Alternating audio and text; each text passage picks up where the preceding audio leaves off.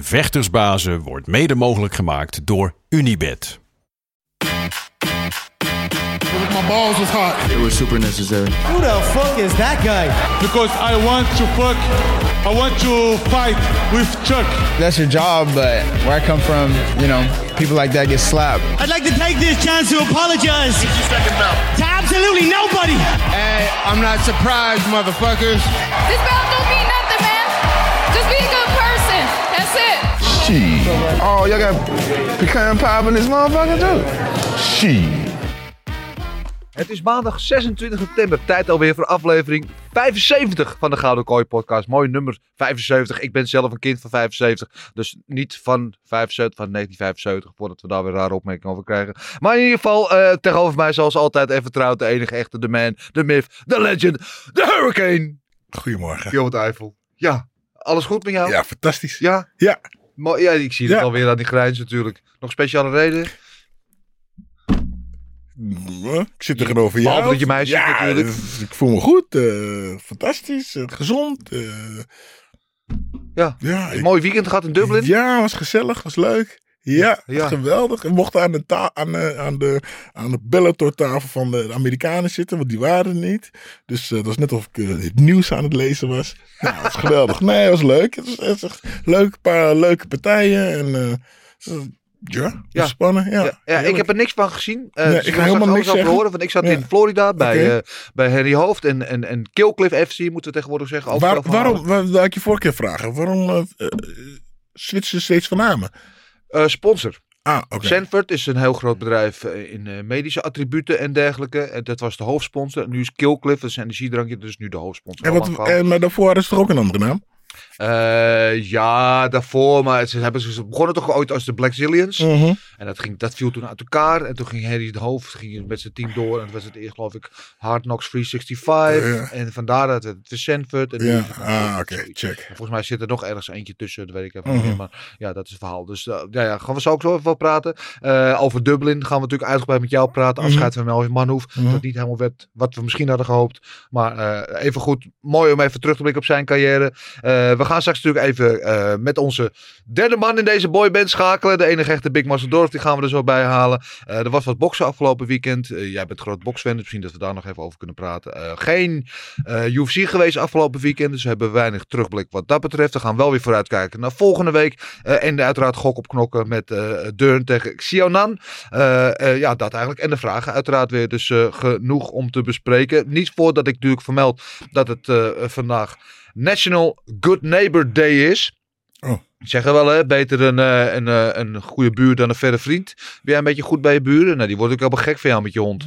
Ja, rotbeest. Nee, eh, dat, ja, nee, ja, wat moet ik zeggen? Ik, ik woon in Amstelveen. En, Ja.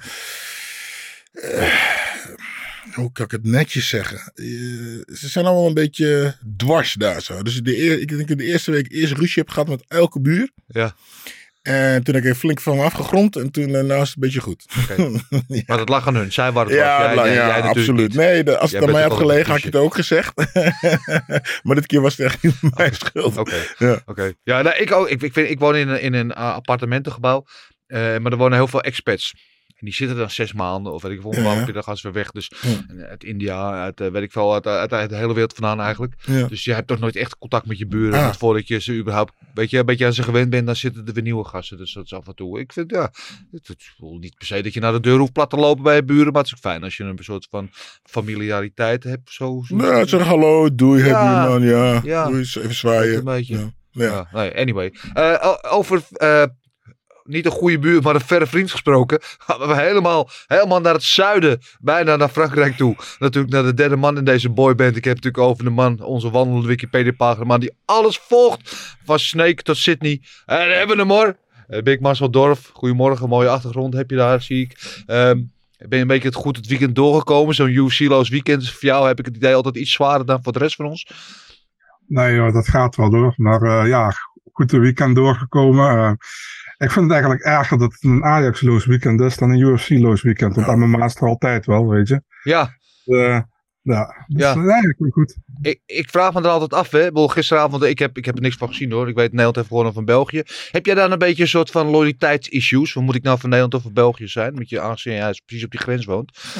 Oh, wees maar blij dat je ver weg bent. Dat je koffer op je neus gaat. Eh, nee, ik, eh, weet je, ik heb Nederlands elftal. Ik vind het altijd leuk als ze het goed doen. Maar ik heb niet heel veel met het Nederlands elftal Nee. over het algemeen. Maar ehm, ik heb meestal zoiets van die kut interlandsman. Daar raken alleen maar spelers van ons geblesseerd. Weet je, en nu weer. Dus eh, nee, ik heb er niet zo heel veel mee, maar ik vind het wel leuk als ze winnen. En toernooien vind ik wel leuk, maar die losse oefen interlands, of die veredelde Nations League interlands, nee dank je. Oké, nou Maar goed. komt de WK er ook snel aan. Dan heb je daar weer eh, genoeg om van te genieten. Maar goed, laten we weer bij onze eigen stiel blijven. Bij de vechtsport natuurlijk. En natuurlijk Bellator Dublin afgelopen vrijdag. Eh, ja, jij was erbij. Vertel Ja. eens even hoe het was. Wat wil je weten? Ja, nou ja, gewoon laten laten we het even beginnen. beginnen over, het publiek. Ja, Dat precies. is één geweldige zooi.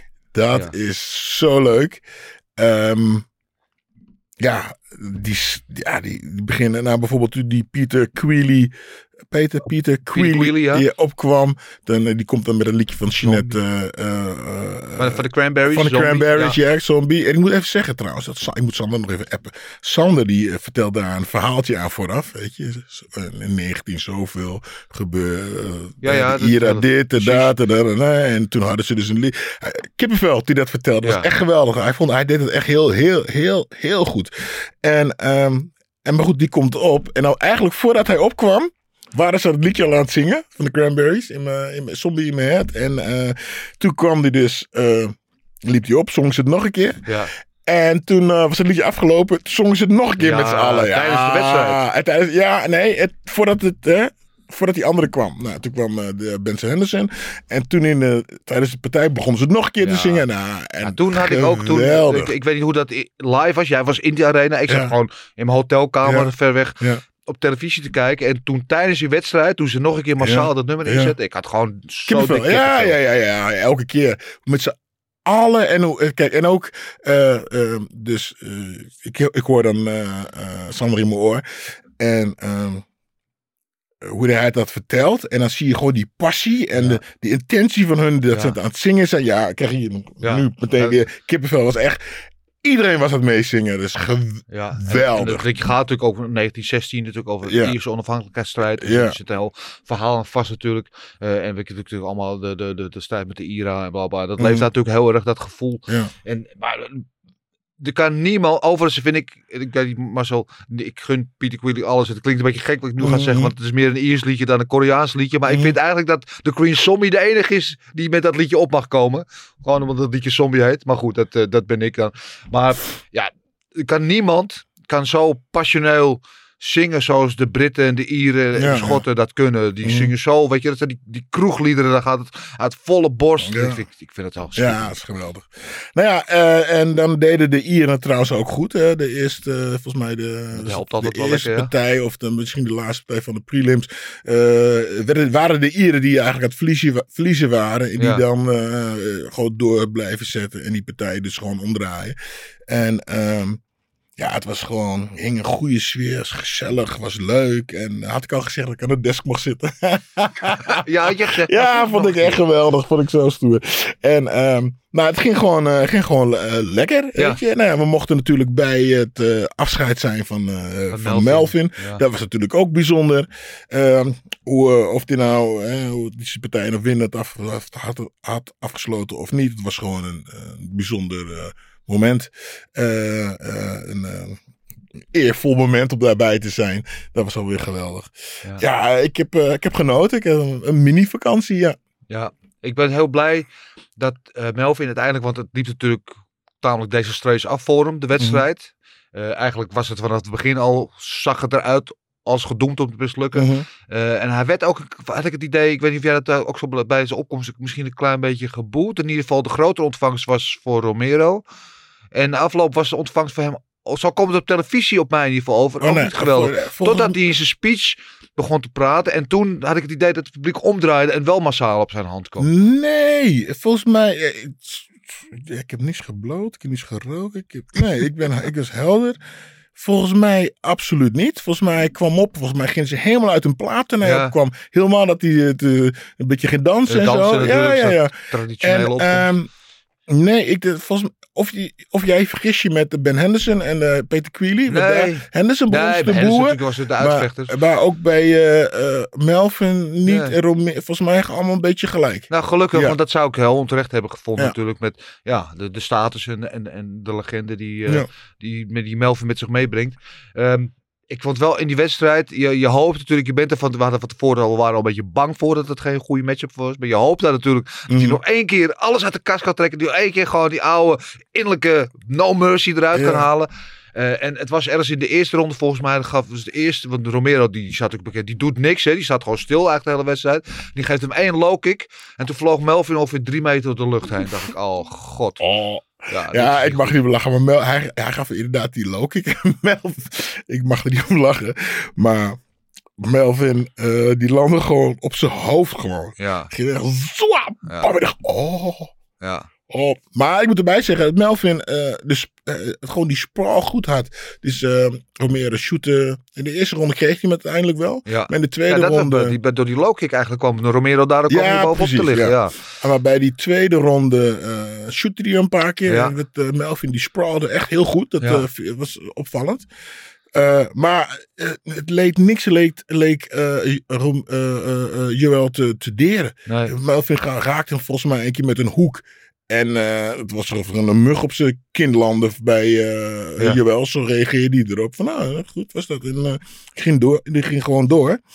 En uiteindelijk, eh, tweede, derde ronde, gaf hij even iets meer gas. Trok Melvin naar de grond en eh maakte daar gewoon af. En buiten eventjes, we hebben het over Melvin. Maar als ik, Rome- Romero zag er echt goed uit. Die had echt getraind. En ik, ben, ik vraag me af wie hem gaat stoppen. Ja, Op, eh, maar dat ik had gewicht. ook het idee dat ik gewoon naar twee verschillende gewichtsklassen zat te kijken. Want Melvin is van zichzelf al niet zo groot. Mhm.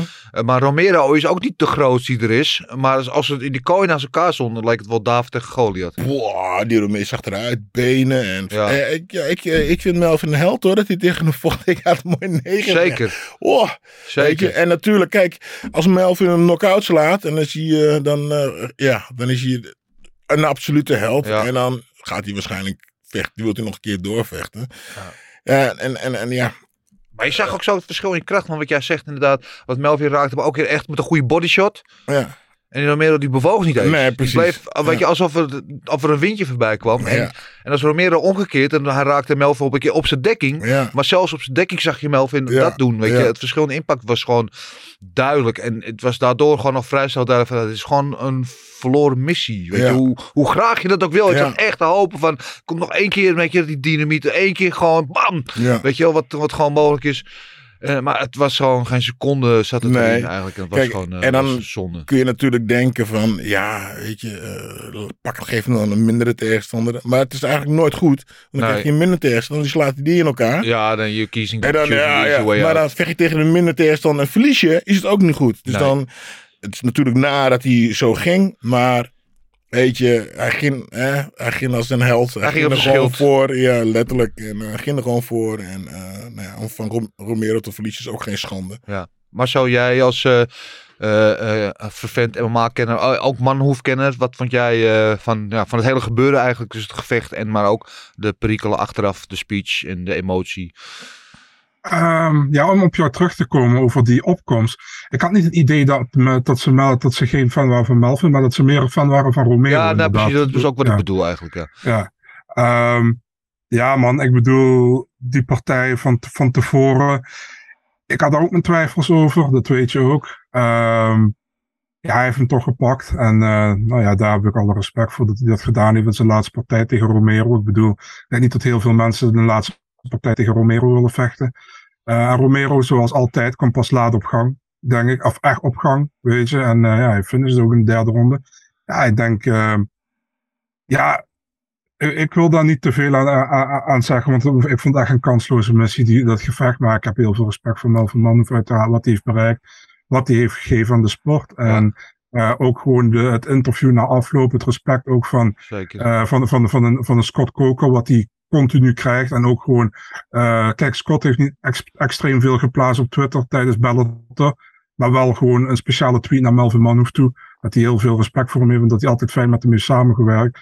Dus ja, dat vind ik mooi. Ik vind het alleen jammer voor Melvin dat hij niet in, in Nederland met Bellator afscheid heeft kunnen nemen. Want dat had ik hem wel gegund. Ja.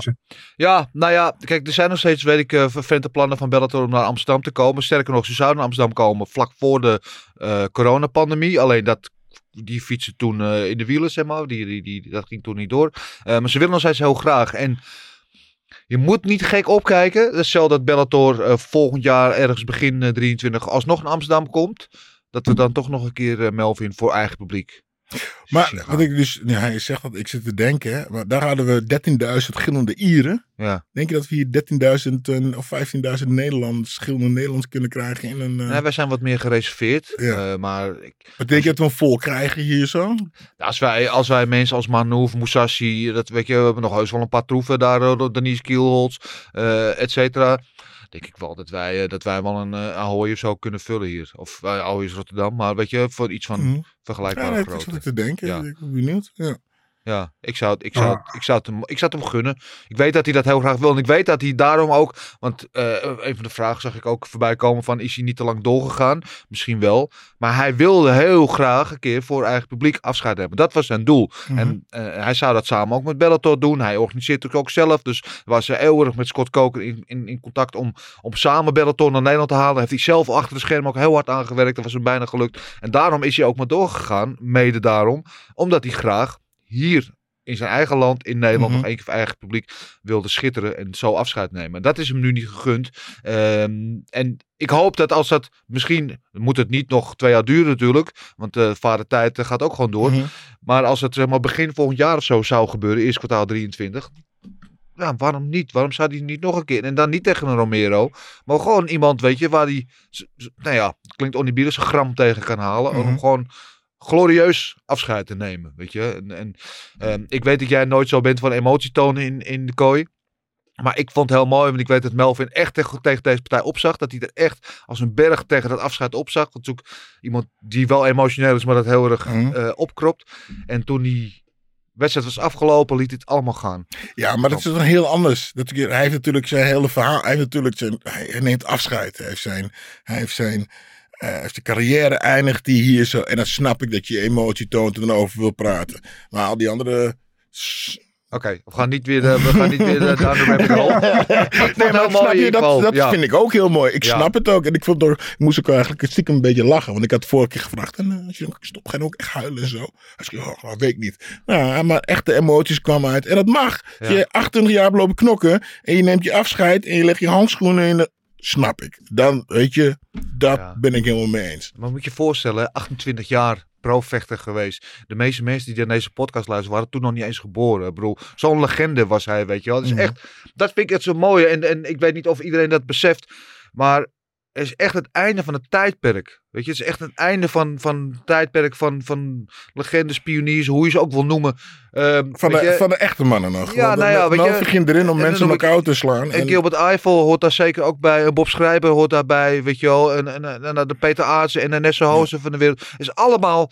Zo lang loopt hij al mee. Weet je? Van die mhm. generatie is hij ook.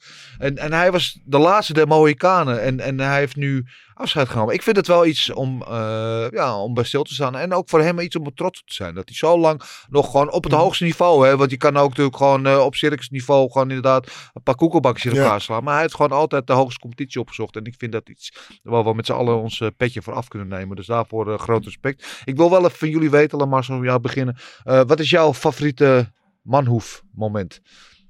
Zo, ehm, ja, als, als ik denk aan het, eh, aan het MMA heb ik er wel meer. Knockout tegen Hunt vond ik fantastisch, uiteraard. Ehm, hij heeft een, een, een, finish tegen Sakuraba, ook een knockout, volgens mij, eh, kan ik kan herinneren. En een iets andere, eh, onbekender denk ik, tegen Bernard Akka. Dat was in de K1, eh, wat was dat? K1, eh, moet ik even, Heroes. Daar sloeg hij hem ook aan en die, die Akka die spuugde, of hij, of hij kreeg een, een klap. En toen zat zijn bit, ging half uit van Manu, volgens mij. En die had hij gewoon, zeg maar, tussen zijn tanden zitten. En op dat moment gaf hij hem ook een klap. En toen ging die neer, die Akka. Ja. Dus eh, dat vond ik ook een mooi moment. En eh, ja, en kickboksen, ik denk die knockout van Karajev in de arena, vond ik Ja. fantastisch. Ja, Dus, is fantastisch, ja. ja. Gilbert, jouw moment? Daar moet ik dikke Hunt zeggen. Ja. Ja, dat, eh, Dat, yo. Serieus. Het mooie is, ken je, ken je het verhaal wat achter die wedstrijd zit? Nee. En, en ik kan het niet zo kleurrijk vertellen als, eh, als Mike dat kan. Maar Mike heeft dat verhaal een keer verteld. Dat hij was eh, met Melvin en Badr in Japan. Want eh, Badr moest K1 vechten. En Melvin was mee om te coachen als, als cornerman. Oh, die moest invallen. Hè? Hij moest invallen. Ah, ja. En ze zitten ergens eh, in een eh cafeetje koffie te drinken zo. Eh, twee dagen voor, dat wist zich op donderdag of Mhm. zo. En Simon Ruts, toen de manager van een groot aantal vechters, die belt Mike. Hij zegt, ik, de tegenstander van Mark Hunt is uitgevallen. Weet jij iemand? Hij zegt, ja, dus ik heb Melvin hier zitten, die doet het wel. En eh, hij, zegt, hij hakt op. Hij zegt, ja Melvin, je moet eh, tegen Mark Hunt eh, vechten. Dus Melvin zegt, dat ga ik het niet doen. Want die gast weegt 140 kilo. Ik ben nu misschien net 90 kilo. Dus zelfmoord ga ik niet doen. Dus Mike de legendarische woorden. Zegt, stel nou hè, je zit in de kroeg met je vrouw. En Mark Hunt loopt binnen. En hij pakt je vrouw bij de kont. Wat doe jij dan? Hij zei, dan sla ik hem neer. Ik zei, nou, ze kun je toch ook tegen hem vechten? Ze heeft vervolgens eh, Simon teruggebeld en gezegd, hij doet het hoor. En zo is hij erin. En toen, en toen inderdaad, nou, sloeg hij hem binnen. Wat was het? De 15 seconden zo sloeg hij hem Ja. eh, KO met die, met die hoek. Schitterend, Maar schitterend. dat, dat is ook weer, dat, dat is eigenlijk het best. Als je dan je voorbereidt voor zo'n partij, dan dan zie je er heel anders in. Als je dan toch, nou, schijt, ik ga er gewoon in, ik ga gewoon op de knokken, ik zie wat er gebeurt. Het is eigenlijk de beste momenten. Dan ben je gewoon los, ontspannen en eh, je hebt niks te verliezen, let's go. En dan Ja. vecht je eigenlijk heel vaak veel beter. Ja, ja, Ja. schitterend verhaal. Als ik denk aan mijn eigen, dat is wel sowieso vanwege het verhaal ook even mijn favoriete manhoefmomenten. Maar als ik het puur naar een wedstrijd kijk, wat voor manhoef moet ik toch zeggen, die wedstrijd tegen Cyborg. Daar dacht ik dat je dat gaat Of zeggen. Dat was zo'n ongelofelijke slooppartij. Alles erop en eraan. Geven en nemen. Continu non-stop actie. Het is gewoon een van de grootste slagpartijen die ik denk ik ooit wel heb gezien in het MMA. Wat een ongelofelijke wedstrijd was dat. En dat geeft ook een beetje aan wat voor strijder hij is. Mhm. Ik wil zeggen was, omdat het nu gestopt is, maar hij is nog steeds een strijder natuurlijk. Het is gewoon altijd, weet je, dood of de gladiolen, maakt niet uit. Jij of ik, geen gelul, eh, gewoon knokken. En eh, ik was natuurlijk bij, eh bij Killcliff FC afgelopen weekend, daar sprak ik Robbie Lawler. En Robbie Lawler had ook, ook een legendarische wedstrijd tegen Melvin Manhoef. En ik vroeg hem naar die wedstrijd en ik vond het zo mooi dat Lawler natuurlijk zelf een legende in zijn eigen Mhm. recht, zo vol respect over Manhoef sprak. En die vertelde een verhaal dat hij, ja, weet je, die low kicks, wat leek me low kicks in die Ja. wedstrijd. Maar hoe Melvin nu tegen Romero door de lucht vloog, zo Ja. ging in die wedstrijd een keer of twintig zo door de lucht heen. En, en, en wist hem gelukkig een keer eh, met een overhand, ra- raakte hem de goed, toen ging Melvin out. Eh, maar hij heeft daarna geloof ik een week niet kunnen lopen van die low kicks. En, en hoe hij dat dan, dan vertelt, weet je wel. En ja, dat, dat, dat zegt mij ook wat. Dat andere Mhm. Legendes zo vol respect jouw naam uitspreken. Eh, ja, dan heb je het gewoon eh, dan heb je het goed gedaan. Toch? Ja, 100%. Ja. Ja. Ja, schitterend. Ja, mooi. Eh, wat je ook gaat doen, of je nog wel een keer terugkomt bel in Bellator Amsterdam. of dat dit het is. Geniet van wat je ook gaat doen. Je hebt het verdiend. Klaar. Ehm, ja, wat was ook wat boksen? Heb je nog een beetje boksen? Was je helemaal geconsumeerd door, door Dublin? Ehm, wat ik zag. Nee, ik hoor alleen dat die Shakur uh, eh, Ja, Shakur Stevenson, dingen- afgelopen Ja, vrijdag is was dat gewicht ook. eh, niet ja, die miste gehaald. gewicht.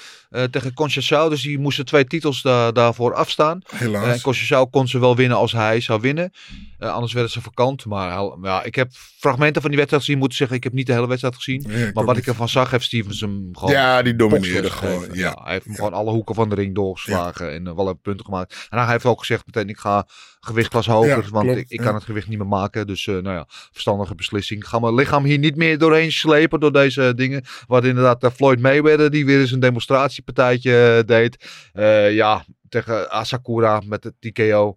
Ja, ik, ik vind het wel grappig hoor. Maar ik word er verder niet warm of koud van, van die Mayweather dingetjes. Jij wel? Ja, nee, nee, ik vind het gewoon, luister, volgens mij, hij pakt gewoon even weer een paar miljoen daarmee, Ja. toch? Ja, ik vind het goed voor hem, man. Ja. Ja, ik, ik, gun het hem zo. Hey guys, eh, weet je, let's go. Ja. en dus later heeft hij er eentje neer. En hij doet er gewoon nog en hij is nou, wat is 53 en 0 of zo, wat is het? Ja, ja. Wat, wat ik frappant vind, en, Marcel, hier wil ik jou ook even in de discussie hebben. Dat nou, dat heeft Mayweather volgens mij zelf opgeborreld. Dat die eh, rematch met Conor bezig weer een ding is. Dat hij weer nog een keer voor de tweede keer tegen Conor McGregor wil gaan boksen. Hey, ja, toch McGregor heeft het al een beetje afgewimpeld. Maar Marcel, wat, wat denk jij? Is dat iets waar zitten we daarop te wachten? En, en zo ja, gaat dat denk je gebeuren?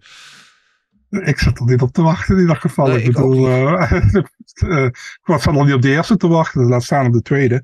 Ehm, nou ja, weet je, hij, moet doen wat hij wil, weet je. En eh, hij, is, hij, is, hij is echt een legende in het boksen, denk ik. En hij moet doen wat hij wil. En ehm, ik weet niet, had je dat moment gezien met die gast wat bloemen gaf aan hem? Of heb je het niet gezien? Ja, dat die goos die bloemen voor zijn voeten Ja. neer flikkerde. Wat, wat de hel? heeft, uh, heeft Ryzen zich trouwens voor verontschuldigd na afloop daarvoor. En, eh, het schijnt, eh, iemand dat, ik weet niet, ik zag op een Japanse account, er stond dat eh, daar eh, bepaalde gasten die kopen zich in bij Ryzen en die mogen dan in de ring, mogen ze dan eh, bloemen aan vechters geven of zo. En eh, dat had deze gast ook gedaan, die had daar veel voor betaald. Ja. En eh, die wilde even een statement maken of zo, dus die gooide gewoon die bloemen naar Floyd toe. Oh, Nou ja. Ook in zo'n traditioneel Japanse gewaad stond Ja. zo helemaal kwak hier. Je pakt ze zelf maar, grap. Ja. nou. Ja. Ja, nou ja, nee, eventjes over, over Conor tegen Floyd. Bedoel, toen de eerste keer was het natuurlijk een grote hype. Maar omdat toen ook bij heel veel mensen... Conor was toen zelf nog wat meer in zijn prime, zeg maar. Die was toen zelf nog wel redelijk op, op zijn top. Dat is natuurlijk alweer een tijdje geleden. Eh, en toen hadden we, nou ja, wij vanuit de MMA community met z'n allen nog het idee van... Misschien kan hij wel winnen. Nee, maar weet je... Maar dat was door de grote onbekende factor. Eh, en het weten natuurlijk allemaal wel beter inmiddels. Wisten toen misschien al wel beter, maar tegen beter weten in hoopten we dat misschien. Maar dit, oh, het opende wel weer deuren. Want nu gaan in één keer al die YouTubers gaan boksen. Precies. En al die andere MMA-vechters die gaan vechten. Dus Ja. ah, ik, ik, ik, of ik er naar ga kijken.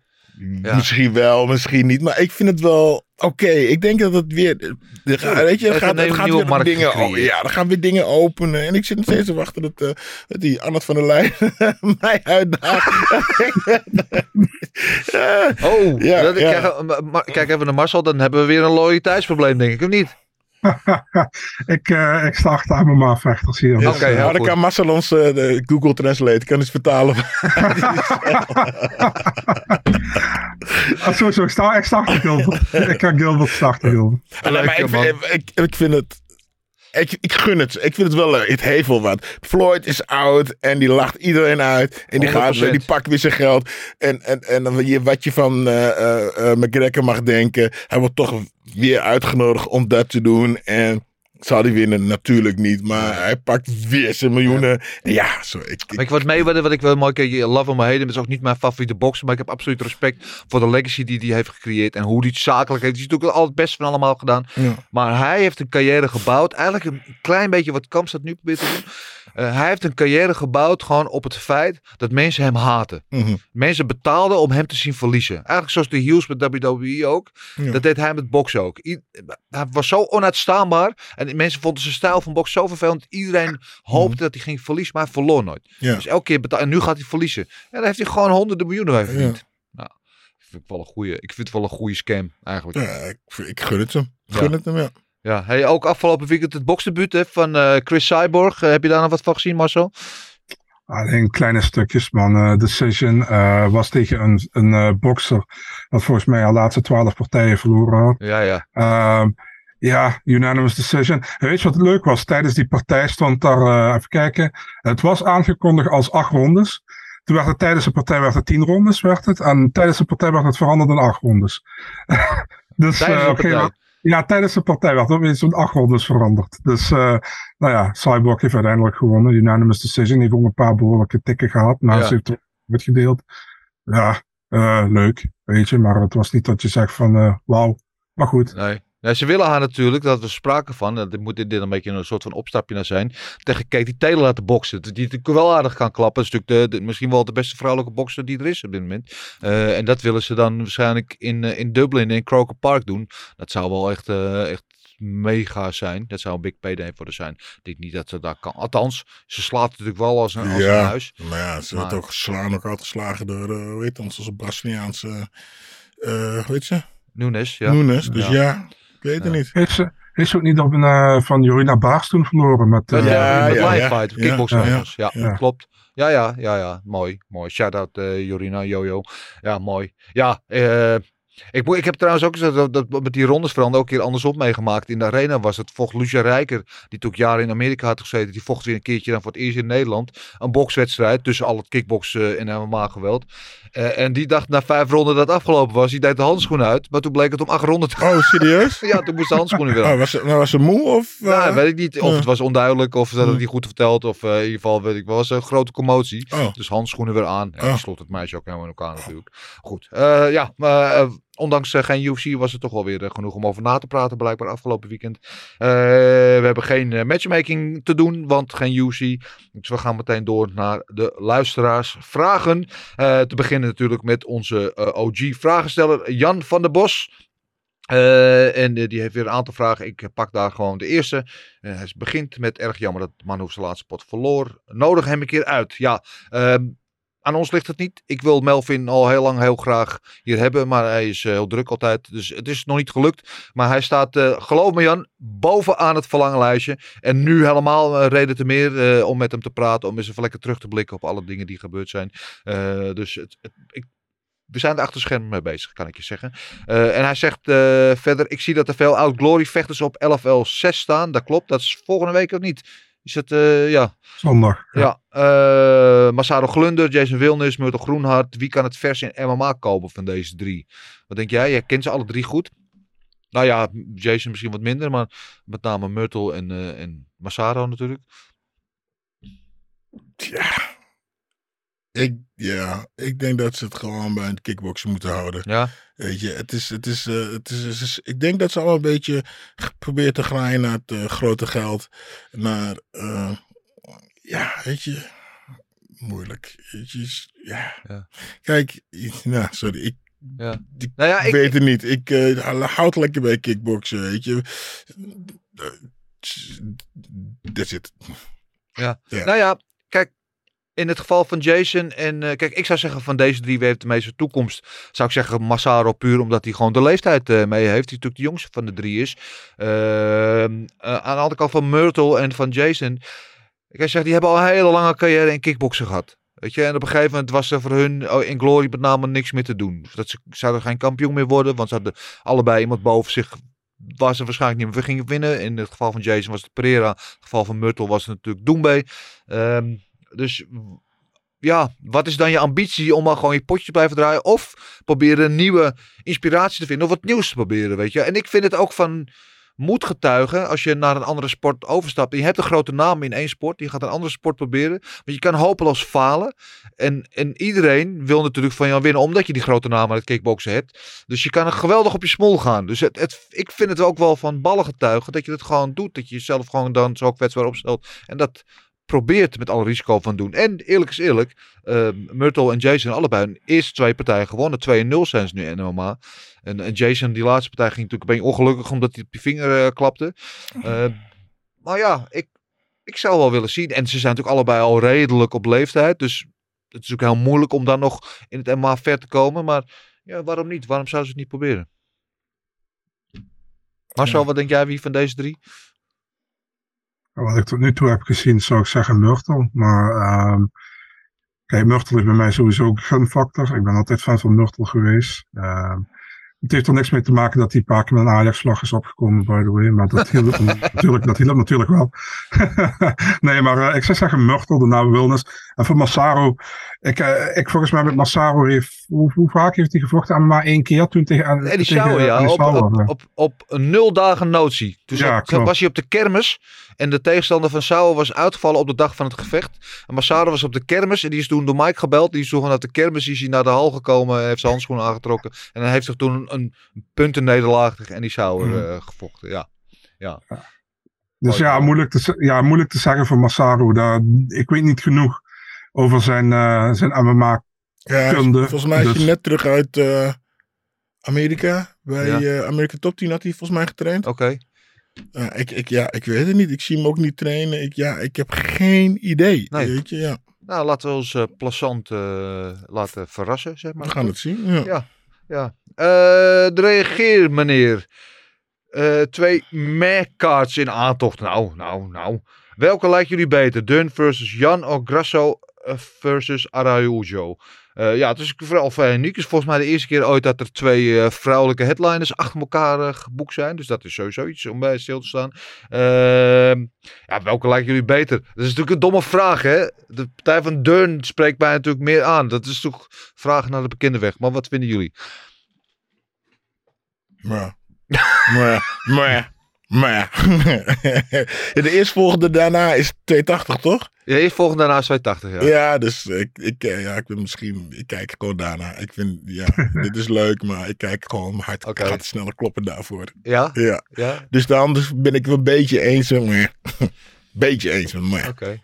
Dus eh, de- deze twee eh, kunnen jou niet eh, bekoren? Nee, ik ga wel kijken en we laten ons dan verrassen als iets geweldig is. zit. Ja, maar het is niet zo dat ik, hè, ik zit altijd denk of ik bij 280 wakker ga blijven. Ik denk, dan, wauw, dan ga ik wel even mijn wekkertje voor zetten. 280 is, eh, begint gewoon om 8 uur eh, s s'avonds. Dus als je dan eh, al niet meer wakker bent, dan eh Oh, wordt het tijd voor het bejaardenhuis. ja, nou, dan ga ik dit voor, weet je, voor, voor de veranderen. Koek, chips, taart, ijs, alles klaar. Oh, lekker. Het, maak het gewoon gelijk, weet je. Dennis, Durn, Jan, Gilbert maakt het niet uit. En dan ga ik voor Grasso Araujo. Dus, zo Araujo. Ook een leuke pot. Ja, Eh, ja. oké. Eh, even kijken. Rens K. Melvin Manhoef op de bank. Ja, net over gehad. Dat zou we wel willen. Smike. Leuk dat je ook eh, meedoet, eh Smike. Eh, hoe goed zou Melvin zijn geweest als hij 20 centimeter langer was? Ja, wat is het? is weet je, raar, hoe ja. goed zou mijn vaders moeder zijn geweest als hij een kutje had gehad? Ik, zullen we nooit weten. Ja, ja. Ja, Ja. sorry. Ja, waarschijnlijk, eh, weet ik niet. Is het te lang weet ik Maar ik vind, en, nou, buiten dat, hij heeft natuurlijk wel een punt, Mike. Dat je, eh, Melvin heeft eigenlijk jaren, vooral bij K1 toen, tegen veel grotere eh, tegenstanders gevochten destijds in de heavyweight divisie. Mhm. En als hij zijn lengte iets meer mee had gehad, dat hij misschien meer gekund in die divisie. Dus ik vind het, ik vind het geen rare vraag voor Mike. ja, ja, ik kan twee kanten op, maar eh, je gaat er niet beter van vechten hè, als je 2 meter 20 centimeter langer of kleiner bent. Ja, is een voordeel, ja. En aan de andere kant heeft hij altijd juist misschien wel harder gevochten, omdat hij juist al tegen grote gasten moet. Het is, weet je wel, ja, ik bedoel, het is net, Kan beide kanten op. Ja. Ja, misschien Ja. dan als je, als je 20 centimeter langer was geweest, was je misschien kijk, je niet kan zo alles gebouwd. trainen. Ja. Je kan alles trainen. Je kan je conditie trainen, je kan je kracht trainen, je kan je explosiviteit trainen, maar je lengte kan je niet trainen. Ja. Dat is, die heb je of die heb je niet. Het is Ja. ja. Ja, ja, hoe, zou, hoe goed zou die zijn geweest? Ja, weet ik niet. We zullen het Ja. nooit weten. Ehm 20 Dandy goeier. Eh, wat vinden jullie van de situatie rondom Trabelsi, Lopez, Abdel Assis? Jij moet ons Huh? even bijpraten, Wie? Marcel. Jij zit te knikken. ik heb Ehm, geen idee waar het over gaat. Nou goed, Slim Trabelsi is een eh, Tunesische vechter is Ja. dat. En die, die stond onder contract bij Duello Sports van Guk en Yildizni. Oh, dat verhaal. Ja, oké. En, dat ja. lekker rinkelen. Oké, en eh, nou ja, hij, had dus, eh, hij wilde dus overstappen naar Ali Abdelaziz, naar Dominance MMA. Dat heeft hij dus ook gedaan. En daar, eh, vervolgens heeft hij UFC-contract gekregen om tegen Parker Porter te vechten, UFC 280. Ja, Alleen, hij stond nog onder contract bij Ares ook. Ja. Weet je? En die Fernando Pest heeft gezegd van luister, je staat bij mij onder contract. Ehm, je mag eruit. En eh, Ali kan je uitkopen voor, ik weet niet, volgens mij 90.000 euro of wat dan ook. Ja. Weet je? En eh, ja, daar waren ze dan heel kwaad over. Maar ja, in principe aan de andere kant heeft natuurlijk contractbreuk gepleegd. Door dat niet te, dingen, door dat niet te doen. Dus die Fernando Pest kan doen wat hij wil. Ja. Dus eh, dat heeft hij ook gedaan. En eh, nu, is die, nu heeft de UFC gezegd, en dat is jammer, heeft, hebben ze hem weer gekut. Ze hebben hem ge- gecontracteerd, dag later weer gekut. En eh, nou, is- nu is er dus een probleem. En eh, je hebt eh, volgens mij ook al die DM's voorbij zien komen van uh, Abdelaziz naar Lopez toe en andersom. ja, ja. En Lopez zegt van mensen, ik leef nog. Ik word wel bedreigd door Abdelaziz, maar ik leef nog. Dus eh, ja, ik weet ook niet precies hoe en wat, maar het is een beetje, het is jammer dat het zo moet lopen over een schimmig allemaal, hè? Ja, ja, ja. En, aan de andere kant, ik ben ook met jou eens. Contract is contract. Wat heeft het anders voor zin om contract te tekenen als je er gewoon eh, zo bij weg kan lopen? Weet je, ik bedoel, eh, we, we zijn het in, in, in, gelukkig wordt het professioneler, maar in de vechtsport natuurlijk niet gewend. Want we zitten bij een sportschool en als we morgen besluiten we gaan naar een andere sportschool, dan ga je gewoon weg, pak je spoel, want er is geen enkele binding, contractuele, behalve misschien dan een morele binding. En, en, en een trainer en, of een team die jarenlang met jou gewerkt heeft, geïnvesteerd. En niet alleen in de UFC-gevechten, maar ook in de, in de lagere ranking-gevechten. waar je misschien van een appel en een ei verdient. Waar die gasten niks verdienen. Weet je wel. En op het moment dat je dan wat kan verdienen, dan ga je weg zonder. eh, weet je wel. Ik, ik- ja. Weet je, eh, daar is, het is ook natuurlijk, de UFC is daar ook mede schuld aan, hoor, vind ik. En dat denk je misschien van waarom. Maar de UFC heeft met bepaalde managements veel betere contacten dan met anderen. En met sommige managements kom je, kijk, als jij bij Ali zit, kom je veel makkelijker in de UFC. Ja. Dan dat je bij een random management zit, waar wat misschien één vechter in de UFC heeft. Als jij bij Iridium zit, je ziet Iridium vechters, die hebben bijna vier tot vijf vechters op elke kaart staan. Die komen veel makkelijker in de UFC dan dat er iemand eh, een random eh, een management zit, snap je? Dat Ja. vind ik ook wel een dingetje. Ja. Dus, eh, nee, maar goed. Ik, be- ik begrijp ook wel zijn motivatie voor zijn vechten. Maar dan moet hij wel zijn zaak eh, gewoon even netjes regelen, toch? mhm, zeker. Eh, goed, ja, we, zullen, we gaan het volgen. Ehm Ziad 070. Jullie mening over dat Jamal en Plasibat geen partij krijgen totdat ze tegen elkaar vechten. Ja, dat is ook wel een dingetje geweest. We hadden Plasibat en Jamal natuurlijk op de bank bij eh, eh, onlangs.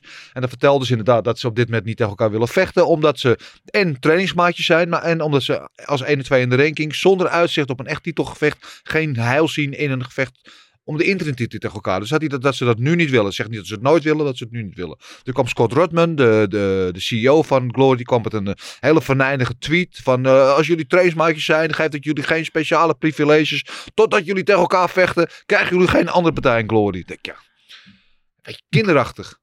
Toch? Dat escaleert helemaal gewoon. Die gasten hebben een heel plausibel verhaal. En die kunnen vinden van, natuurlijk moet tegen iedereen vechten. Tuurlijk kan je ook vinden, is een mening.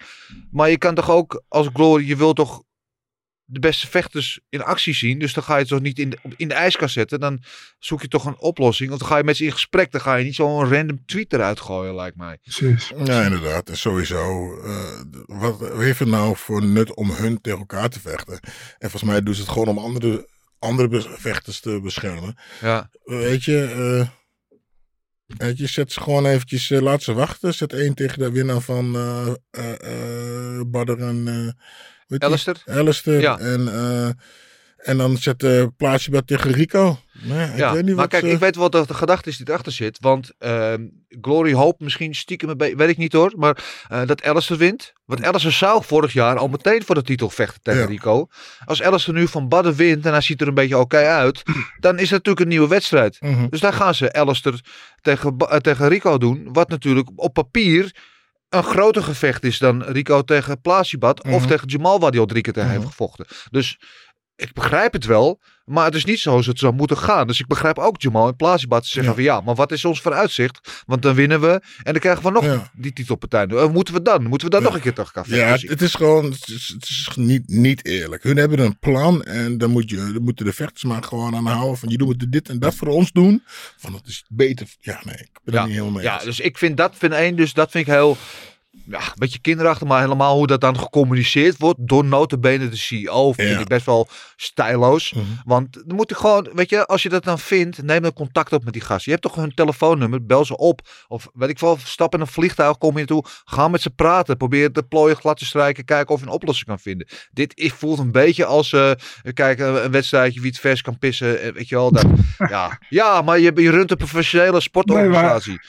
Jij zegt stijloos, het is gewoon een teringkneus. Laat, de, de- Oh, laat dat gewoon zeggen. ja. Ik bedoel, waar- waarom zou je dat op Twitter zetten, man? Een beetje respect naar je vechters toe. Die gewoon een normaal verhaal bij je op de bank vertellen. Weet Ja. je? En eh, dat gewoon naar buiten brengen. En dat ga jij eh, bij de hand lopen doen. Eh, het is heel duidelijk dat ze duidelijk willen dat de winnaar van Badr tegen, tegen Overeem, en ze hopen Overeem uiteraard op dit moment, dat hij tegen Rico gaat. Het is heel duidelijk. En dat, die tweet maakt dat helemaal duidelijk voor mij. Weet je wat ik Ja. bedoel? Dus eh, nee, ik vind het gewoon een tering, teringkneus Ja, ik vind ik ook, ik vind ook eh, ja, het verdient niet de stijlprijs, laat ik het zo eh, formuleren. Eh, overigens, en ik mag er niks over zeggen, want er komt binnenkort echt groot nieuws over Glory naar buiten. Oh, Ehm, maar- Oké, luister. maar ik, Marcel, doe even je oortje dicht. We ik, tussen heb jou en echt, mij. nee, maar ik heb echt met, met mijn leven beloofd dat ik het zou bewaren. Dus, Oh, maar, maar- maar als, je het aan mij vertelt, kan ik het vertellen. ja. En niet. Eh, Brian 19666. Loop naar Melvin. Bedankt voor alle mooie partijen. Is Kevin Holland nou gestopt? Ja, eh, dat is ook weer zo'n verhaal. Die Kevin Holland die de vorige keer maakte die zijn nieuwe gevecht bekend op OnlyFans. Nu kom je bezig out of the blue weer. Eh, done before 30. I'm out. Met andere woorden, het is mooi geweest. Ik stop ermee. Hè? Wat? Toen ik vorige week of twee weken geleden nog tegen Kamstad gevochten. Liep niet helemaal. Weet je, een hele rare situatie. Dat hij eigenlijk tegen Rodriguez. Nou, Balbal kennen allemaal het verhaal. En nu opeens zegt hij, ik ben gestopt. Ik weet het niet. Marcel, ik geloof er geen reet van. Wat denk jij? Ik denk dat het even leg- legit, legit is als een crime fights, wat hij eh, allemaal oplost op straat. Ja. Ik geloof er geen klote van. Nee. Nee. Nee, wat, wat, wat, zou, wat zou erachter kunnen zitten dat hij dat, hij dat doet? Is het gewoon publiciteitsstuk? Ik denk, ik denk dat hij kwaad is dat eh, hij wilde een, eh, die, die partij tegen Daniel Rodriguez hebben of tegen Neil Magny. En nu gaan die twee tegen elkaar. Ja, En toen dat bekend werd, toen is dit ook volgens mij rond die tijd naar buiten gekomen. ja, Volgens mij is hij een beetje geïrriteerd. ja Dus, het is eh, misschien uh, gewoon een beetje een impuls eh, geweest. Ja. ja, nou ja, ik hoop het niet. Want ik vind Kevin Holland wel gewoon, los van dat het een goede vechter is, vind ik het gewoon een amusant figuur die er wel gewoon lekker bij kan hebben, toch? Dus ik hoop dat hij gewoon eh, Hm. op zijn schreden terugkomt. En dat het niet verkeerd uitpakt. Want we kennen natuurlijk meer voorbeelden van vechters die hun eh, eh, zogenaamde pensioen aankondigen om daar vervolgens weer uit te komen. Ik noem een, hoe heet die? Triple, Triple C, Henry Cejudo. Die na zijn titelpartijen eh, eh, afscheid nam en vijf minuten later op de persconferentie geloof ik zijn entree aankondigde. De UFC toen zei van, nou, laat me zitten, we zijn, we zijn goed zonder jou. ja, dat kan ook helemaal verkeerd uitpakken. Dus we laten hopen dat het dit nu niet gebeurt. Ehm, TMT.rag. Eh, Melvin hoeft zich nergens voor te schamen. Hij is kampioen. Helemaal mee eens. Mossin H. Underscore. Ik weet niet hoe ik dit allemaal moet uitspreken, dus vergeef me. Kunnen jullie wat aandacht geven aan boksen? Zwaargewicht Errol Spence eh, versus Terence Crawford. Nou, ik wil je wel deze aandacht aan boksen geven. Spence en Crawford zijn geen zwaargewichten, ja. Volgende vraag. Eh, Grace MC 81. Wat is je mooiste herinnering aan een van je MMA-wedstrijd? Ik denk dat die vraag een, een ja. Eh, Ja, daar hebben we over Melvin, ja. Hebben we daar gehad. Eh, Joshua V underscore VV underscore. Naar welk gevecht van UFC 280 Abu Dhabi kijken jullie het meeste uit? Ik zelf naar Darius versus Gamrot. Ja, dat is wel een hele mooie pot. Maar ik ben zelf toch echt het meest benieuwd gewoon naar Oliveira tegen Makachev. Ook, ja, eigenlijk allemaal. Eh, die eh, Sterling Jan en eh eh, heet die, Pieter, Peter Jan en deze ook. Ja, dat, die hele kaart is geweldig. Ja. Ja. En, om, en om acht uur. Vol kinderbedtijd. Maar Oh. zo jouw favoriete partij op deze kaart? Eh, main event. En eh, ik ben heel benieuwd hoe eh, Peter Jan, eh Piotr Jan het gaat doen tegen, Sean O'Malley. Nou, ik, andersom. Ik ben heel benieuwd hoe O'Malley het gaat doen tegen Piotr Jan. eigenlijk. Ja, precies. Ja, ja. Ja, ja, ja ik, ik begrijp wat je bedoelt. Ja, ja, dus dat eigenlijk een beetje. Ehm, kunnen jullie een keer een glory voorspelling doen? Ja, dat willen we wel. Dat gaan we Ja. Voor de volgende glory. Dus 8 oktober, dit is over twee weken. Dus volgende week gaan we dan eh, glory picks doen. Uh, mee eens, zullen we dat doen, Marcel? Ik weet het voor jou eh, iets meer uit de... We, kunnen, we kunnen ook Glory en UFC picks toch allebei doen, of niet? Ja, tuurlijk. Dat doe, doe glory, dat sowieso. Maar doen we volgende week gaan we een keer glory picks doen. Dan gaan we sowieso zeker. gaan we volgende week ook uitgebreid natuurlijk op die wedstrijd eh, van Badr en Elliser eh, eventjes eh, vooruitblikken. Dus dat eh, komt helemaal goed. Ehm, Ibrahim underscore, nou, punt I 28. Dat hebben jullie allemaal namen. Eh, staat Melvin in de hoek van Badr tijdens Glory Collision 4? Denk het wel. Want de vorige keer stond hij ook in zijn hoek. En ze zijn natuurlijk nu trainingsmaatje weer bij SB Gym. Dus ik weet het niet zeker, maar waarschijnlijk toch? Ja. Mhm, geen idee. Ik kreeg ook te horen laatst van hij zal, zal Barre er zijn in, in, in Ierland. Oh, nou. Ja.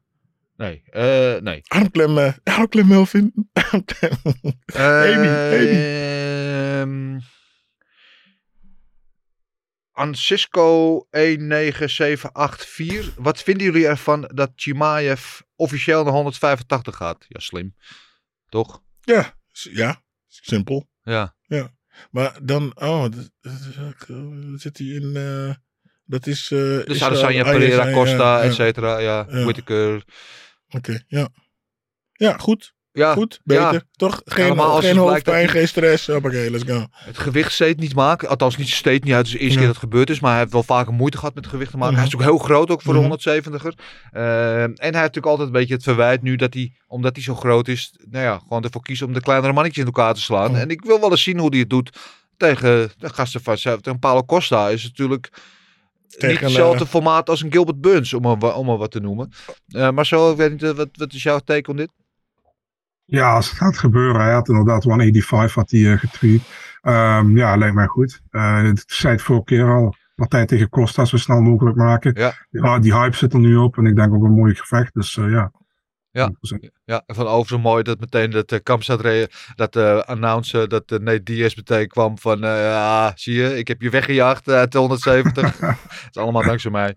Uh, Nate zorgt ook dat hij lekker in de picture blijft. Ehm, even kijken. Black Steel 87. Denken jullie dat dit echt Melvin zijn laatste wedstrijd was? Nou, daar hebben we het al over gehad. Maybe. Never know.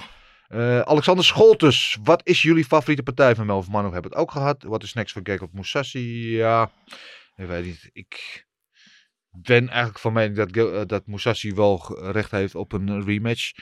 Eh, het is natuurlijk zijn titel verloren laatst.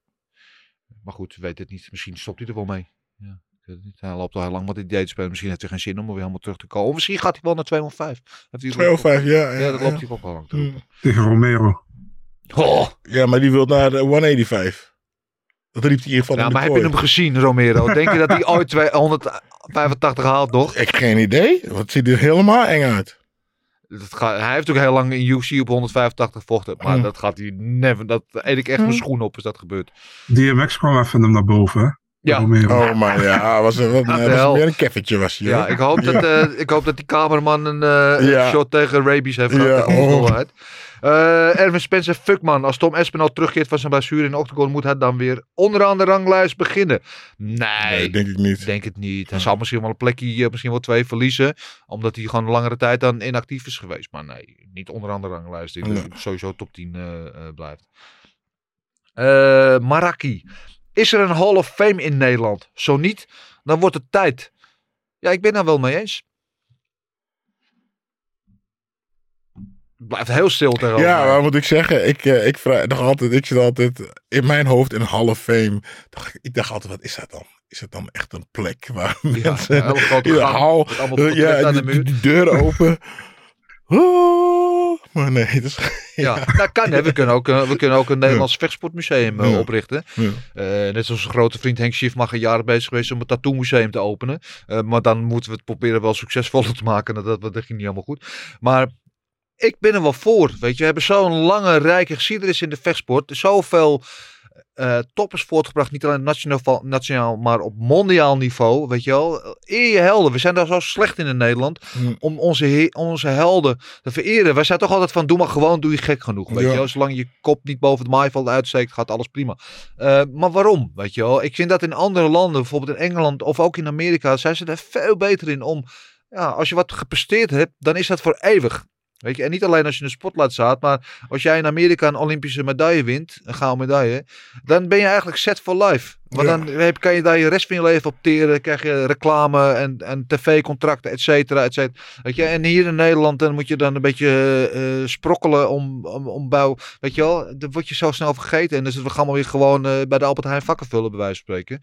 Ja, ik vind dat we dat wat... eh Berry van Alen die postbode werd, eh, dan dat hij Europees kampioen was geworden. Ik vind dat we daar wat beter mee om moeten gaan. En de Hall of Fame zou daarbij kunnen helpen. Misschien kunnen we daar een soort van lobby voor beginnen. Wij als vechtsport hier. ja, Eh, Ja? niet? Ja. Ja, ik bedoel, Ik ik, vind, heb eh, wel een paar mensen die daarin eh, kunnen. Ik, ik ben, ik ben, ja, zoals Gilbert sowieso. Ja. Weet je? En, eh, maar ik denk, denk dat het een beetje, je kan ook goed vergelijken met bijvoorbeeld in Amerika, als jij, eh, als jij in het leger hebt ged- gediend, hoe daar met die mensen wordt omgegaan, met zoveel respect. Weet je? En als je het hier ziet, ja, je hebt een legerpak, ja, ja, leuk. Weet Ja. Leuk. Ja, maar is- ik bedoel, weet je, als we dan helemaal teruggaan naar de, naar de John Blooming, eh, eh, Chris Dolman, eh, Tom Haring, Jan Plas, eh, eh, Wim Ruska, eh, Anton Geesink, weet je wel, de, de, de K1-toppers, Host, Schild, Arts, et cetera, noem maar op, Melvin, weet je, Mhm. we hebben zoveel, Andy Sauer, bla, nou, ga maar door, Gilbert Eiffel, weet je wel, allemaal die niet alleen gewoon zelf mooie dingen zien, maar gewoon zoveel betekend hebben voor de ontwikkeling van de vechtsport in Nederland, net ons op de kaart hebben gezet als vechtsportland. Ja man, moeten daar, moeten, we gaan er wat aan doen. Wij gaan proberen een Hall of Fame op te richten. Ik weet nog niet hoe. Als jullie suggesties hebben wat de goede weg zou zijn, stuur ze in. Ik vind het een hele goede. Ik ben voor. Gilbert ook mee? Ja. Marcel ook mee? Ja, ja hoor. Ja, 100%. Dat lijkt mij een heel goed initiatief. Ja. All in Fame zei ai ai. Oké. Eh Ericsson 01. Welke KO van Melvin vonden jullie het mooist? Ja, hebben we het net al wel een beetje gehad. Die van Mark Hun toch? Ja. Ja. Ja. Maurits School, aanstaande zondag is LFL 6. Ik ben er zelf live bij. Hartstikke leuk. Misschien zie ik er wel, weet niet zeker. Murto, Wilnes, Glunder, Gino van Steenis. eh, Het broer van Costello natuurlijk. Mhm. En eh, alleen Van de Merkt staan op de kaart. Eh, en het belooft een spektakel te worden. Wat zijn jullie verwachtingen van het evenement en van LFL in het algemeen? Ja, ik, ik ben groot fan van LFL. Ik vind dat ze echt goede dingen doen. Ik vind dat ze als Nederlandse promotie echt ehm, een podium bieden aan, eh, aan jong talent. En ze zoeken daar een mix tussen de bekendere namen. Tussen inderdaad eh, de Myrtle en de Jason. Die, weet je, wat naamsbekendheid met zich meebrengen. Tot wat jonger onbekend talent. En dat proberen ze een goede mix van te maken. En ze zijn consistent. Komen gewoon met eh, evenement even zoveel tijd. En ik vind dat ze een goede aanpak hebben. Ik vind dat de locatie waar ze zitten, is, is dezelfde plek weer? Weet ik niet. Dat is een beetje, beetje klein. Ik denk dat ze een, een grotere plek moeten hebben. Ja, maar zo. En ja, niet iedereen weet het ook, hè? Nederland, MMA is toch een kleine markt in Nederland, hè? En, en LFL is helemaal een kleine organisatie. Ik vind het slim doen. En Ze hebben nu een contact met Fireplay. Eh, ze Ja. gaan eh, gewoon eh, overal gestreamd kunnen worden. Dat is een hele goede stap voor ze. En oh wat- waarom wat moet je een Ahoy afhuren als je misschien duizend kaarten verkoopt? Ja, snap ik, snap ik. Weet je, en het kost alleen maar geld. ik vind dat ze een slimme, geleidelijke aanpak hebben. Dat ze echt... Maar het is, het is wel weer jammer. Weet je, het is natuurlijk leuk voor de, de- Je kan lekker thuis blijven kijken. Maar het, is wel, het had wel de sfeer eruit. Je, weet je, ik, ik weet dat, ik, eh, dat, dat het vechten waren in een arena. Ja. En het, eh, wat het zoveel duizend man aan het schreeuwen zijn. Dan vecht je toch een stukje harder, hoor. Tuurlijk. Maar LFL Ja. bestaat net een jaar, hè? Ja, nee, Echt een hele nee, jonge organisatie. Ik zeg alleen dat het jammer is dat het nu niet zo Ja. kan. Ja, Ja. maar ik, ik ben wel benieuwd waar ze over zeg maar drie jaar staan nu. Als ze in dit tempo geleidelijk doorgaan, dan, Mhm. dan zie ik ze op een gegeven moment wel grotere zalen Mhm. gaan, eh, gaan uit te kopen. Ze zijn echt naamsbekend aan het opbouwen. Mhm. Maar ik eh, vind hun en ook, eh, we hebben natuurlijk eh, Versus, die natuurlijk met die, met die Cage Warriors Academy aan, de, aan de slag gaan, nu ook goed bezig zijn. Twee Nederlandse organisaties die goed bezig zijn om een goede basis te bouwen voor, MMA in Nederland. Want dat is wat we een beetje gemist hebben het laatste jaar. Want de, sport groeit mondiaal razendsnel. In Nederland zijn we de hele tijd een beetje achtergebleven. Nu doen we het heel goed. Hè. We hebben jongens in Cage Warriors, UFC, eh, Bellator, et cetera. eh, eh, Ares, al die organisaties zijn we vertegenwoordigd. One Championship. Ehm, maar we missen een beetje de, de, de evenementen hier. En zij zijn bezig om daar een basis te bouwen. En ik vind dat ja, bewonderenswaardig. En echt goed. Goed dat ze het zijn. Ehm, Luc van Boksel. Met het stoppen van Manu komt er een einde aan de generatie pioniers in het MMA. Waar denken jullie dat de sport zich nog verder in kan ontwikkelen de komende jaren? Gilbert. Ja. eh, Goh, ik had toevallig gisteren. eh, je krijgt nou eigenlijk een. ehm, een ja, sorry, misschien een slap aftreksel. Een stuk slimmer. Stuk. eh, eh, weet je, mensen, je krijgt dus. eh, je krijgt niet meer de knokkers, Ja. maar wel slimmer vecht. Dus je krijgt, die hebben vet- betere voeding, betere training, betere informatie, betere mentale, mentale plaatje. Want ja, zoals Melvin is een van de wijnen, nog een van de laatste die gewoon dringen kan om je kop eraf te slaan. En nou hebben we dus andere vechters die meer, weet je, de puntenvechters krijgen we nu een beetje. En dan wil ik eh, alle eerbied voor alle het vecht die we nu nog hebben hoor. Maar het is toch niet meer, niet Nee. meer als vroeger. En het is aan de ene kant slim van ze, weet je. Want eh, eh, ze- eh, vechten dan zonder blessures en gaan langer bezig. Gaan waarschijnlijk slimmer om met hun alles. Maar ja, eh, hij krijgt eh, een, heel, een heel ander systeem. Weet je, het, eh, het, eh, het, het wordt een beetje commercieel. Zeg ik dat goed? Een beetje Ja. voetbalachtig. Ja, Weet je, het is eh, ja. ja. Begrijp, ik begrijp het punt. Aan de andere kant eh, is het ook een teken van dat de sport evolueert en professioneler wordt. Mhm. Eh, en dat, dat neemt weer mee, meer media en dus ook Ja, meer sponsor-aandacht ja, met zich mee. Waardoor de spechters weer uiteindelijk meer betaald kunnen worden. Dus begrijp je het punt. Ik weet niet of het nou per se allemaal... Nee, en ik zeg Nee, nee, ontwikkeling. nee. Ik, ik, dan leg ik me goed uit. Ik denk, de vechters zelf zijn niet echt knokkers meer. Nee. Maar die zijn weer. De, de- de- zo, het wordt meer sport dan Ja, vechten. ja. Dat wil ik zeggen. Mm. En het wordt, eh, eh, het wordt natuurlijk, het gaat natuurlijk omhoog. Weet je. Die jongens zijn allemaal een stuk beter nu, slimmer, ehm, beter voorbereid. Eh, maar dat kan aan de ene kant weer, weer minder leuk zijn om naar te kijken. Ik denk dat voetbal vroeger ook, dat was gewoon klap tussen erop. En als iemand eh, op de grond ging, viel, stond hij op, rende die door. En nu is het allemaal een beetje Ja, minder geworden. ik begrijp wat je bedoelt. Ja. Als, als ik één punt zou moeten noemen waar de sport zich echt beter kan ontwikkelen, is het eh eh, jurering. Ik bedoel, gewoon betere officials. Ja, Beter ja, hoe zeg je dat? More educated, zeg je in het Engels. Meer onderwezen, meer, meer, meer kennis bij de jury, bij, bij de officials rondom de sport. Dat zou ik als, als punt eh, willen aandragen. Marcel, jij? Ja, moeilijk. Ehm, ik ben dat wat, wat sowieso de jurering. Je weet dat dat eh, Nee. iets is waar ik me dood aan erger. Ja, ja ehm, dat.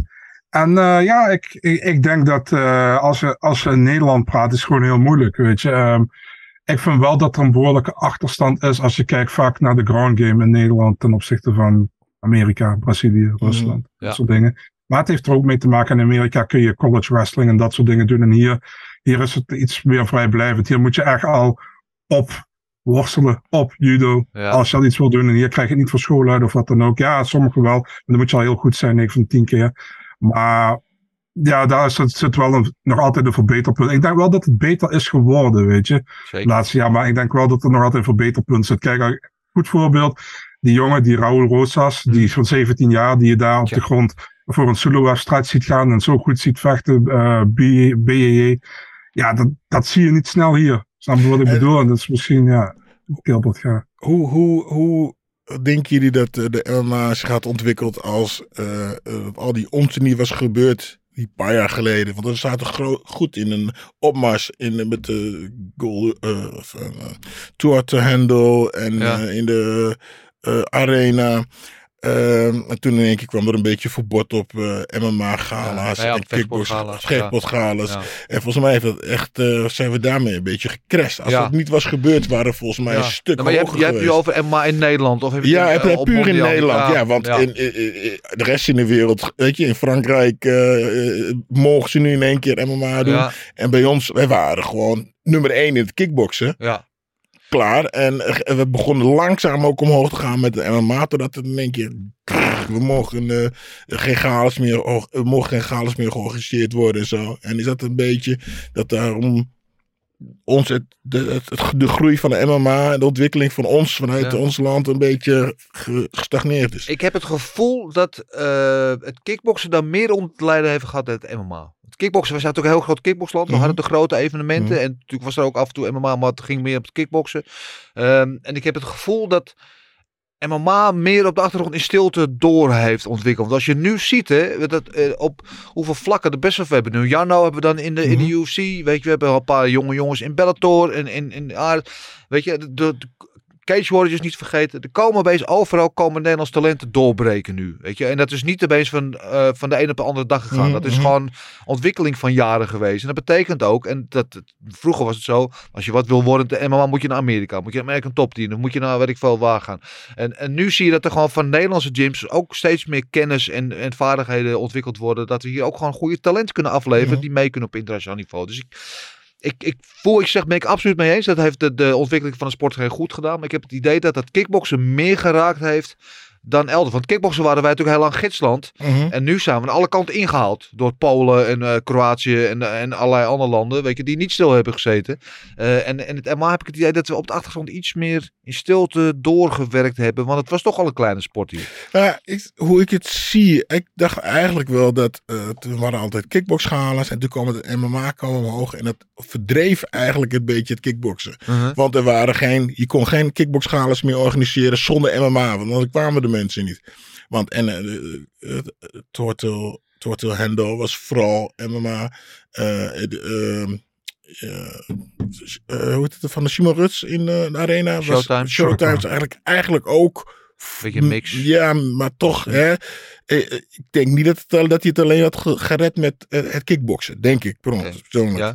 En, ehm, ja, en nu dat allemaal weg is. Ja, we hebben alleen nog Glory waar, eh, als, eh, als eh kickboxer naar kijken. Ja. Ja, Rings hebben, En Fusion. Ja, en Rings is er ook nog steeds. Dat wist ik eigenlijk helemaal Ja. niet. Zag ik helemaal Ja, niet zoveel. maar Rings is natuurlijk wel wat is kleiner dan ja, vroeger. is ja. allemaal, weet je, ja, dus, ja, we hebben, ik denk alle twee een beetje. Ja. En, ja, Oké. Nou, laten we hopen dat we die eh, inhaalrace eh, weer eh, kunnen voortzetten de komende jaren. In ieder geval. Ik denk dat, dat we helemaal op de goede weg zijn. Ik, ik, heb echt, Ja. ik heb echt positieve hoop voor de toekomst. Maar je weet, ik ben altijd de positieve van de twee hier aan tafel. Dus wat dat betreft.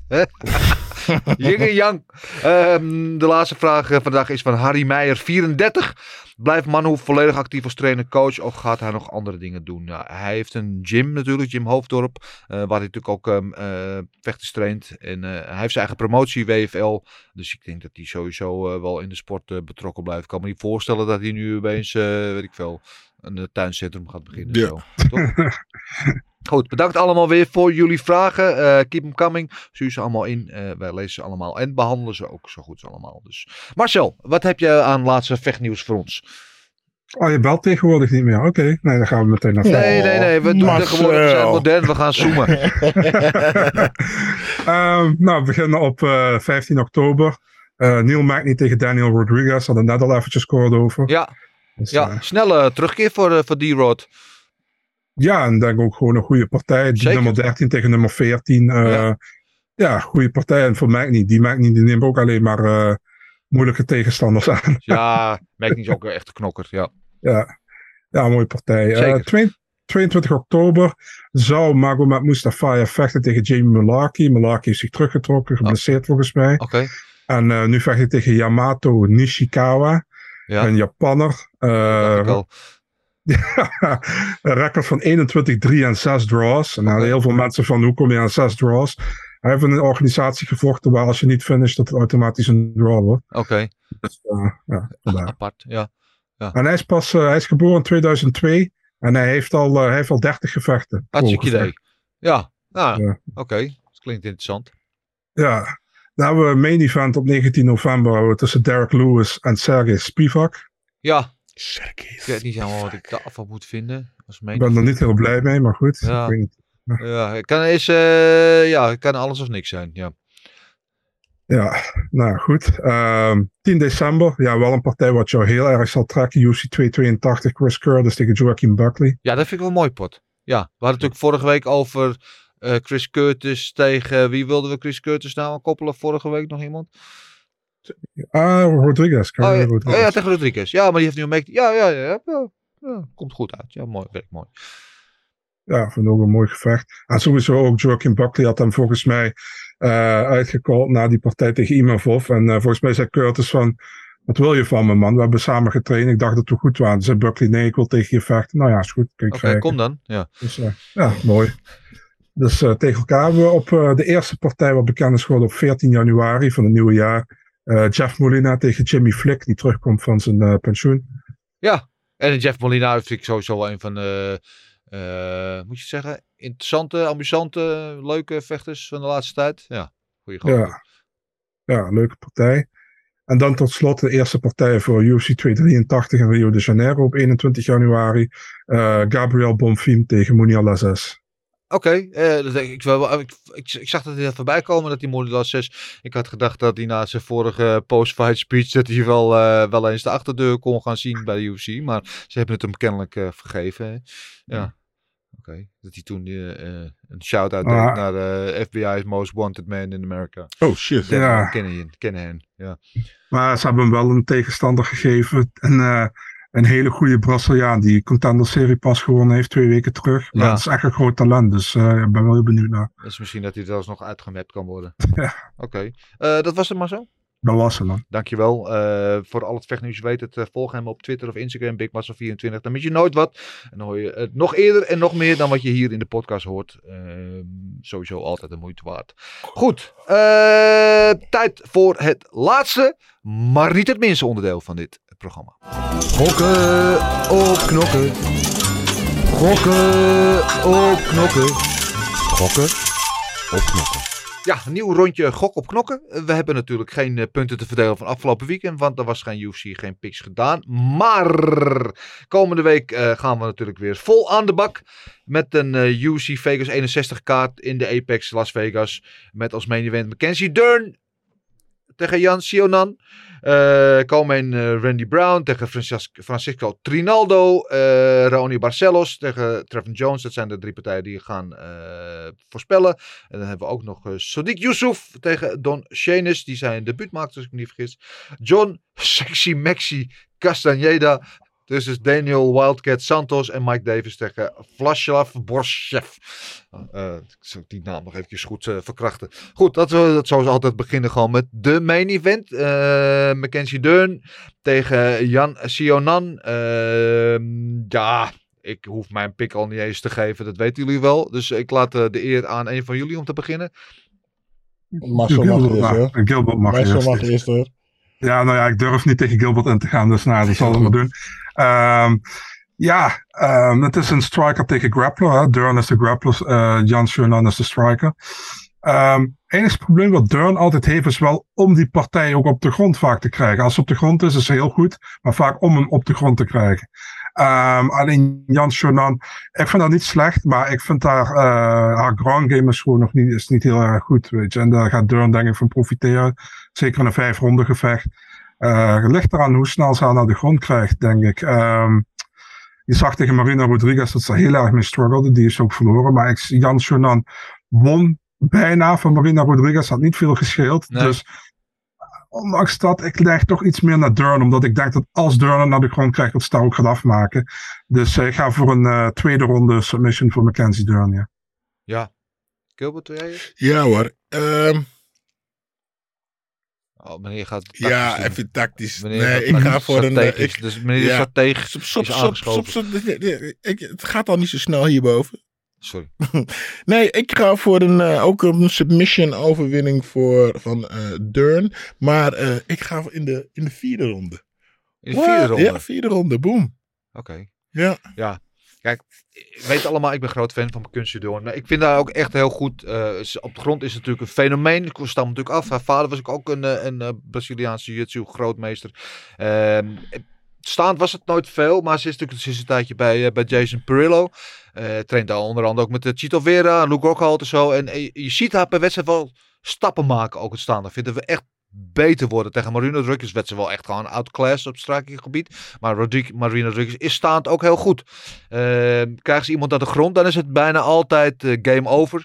Eh, alhoewel ze in de laatste wedstrijd tegen Tisha Torres kreeg ze er ook één en twee keer in, in lastige posities. Toen wist het niet af te maken, maar dat zijn meer over de taaiheid van Tisha Torres dan, dan wat anders. Ehm, ja, Mackenzie Deun. Ik vind Jansje dan ook heel goed.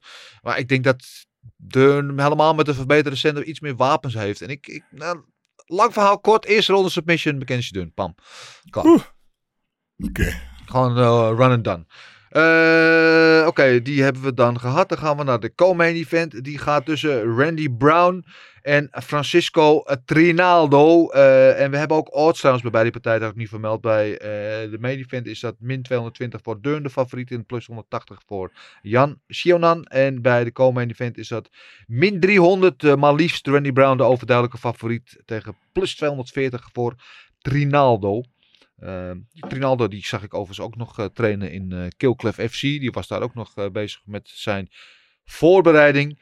Ehm, ja, moet je zeggen. Ik vind Randy Brown vind ik echt een hele leuke, leuke vechter. Dat vind ik echt eh, eh, ja, wel sensationeel bij tijden. Ehm, Trinaldo weet het natuurlijk, ben oude rot in het vak. Ehm, ja, ik ga hier voor Randy Brown. En ik denk dat Randy Brown hem ook gaat finishen met een KO in de tweede ronde. Zo, nu jij weer. Hmm, Oké, ik ga. ik denk dat Randy Brown wint op punten.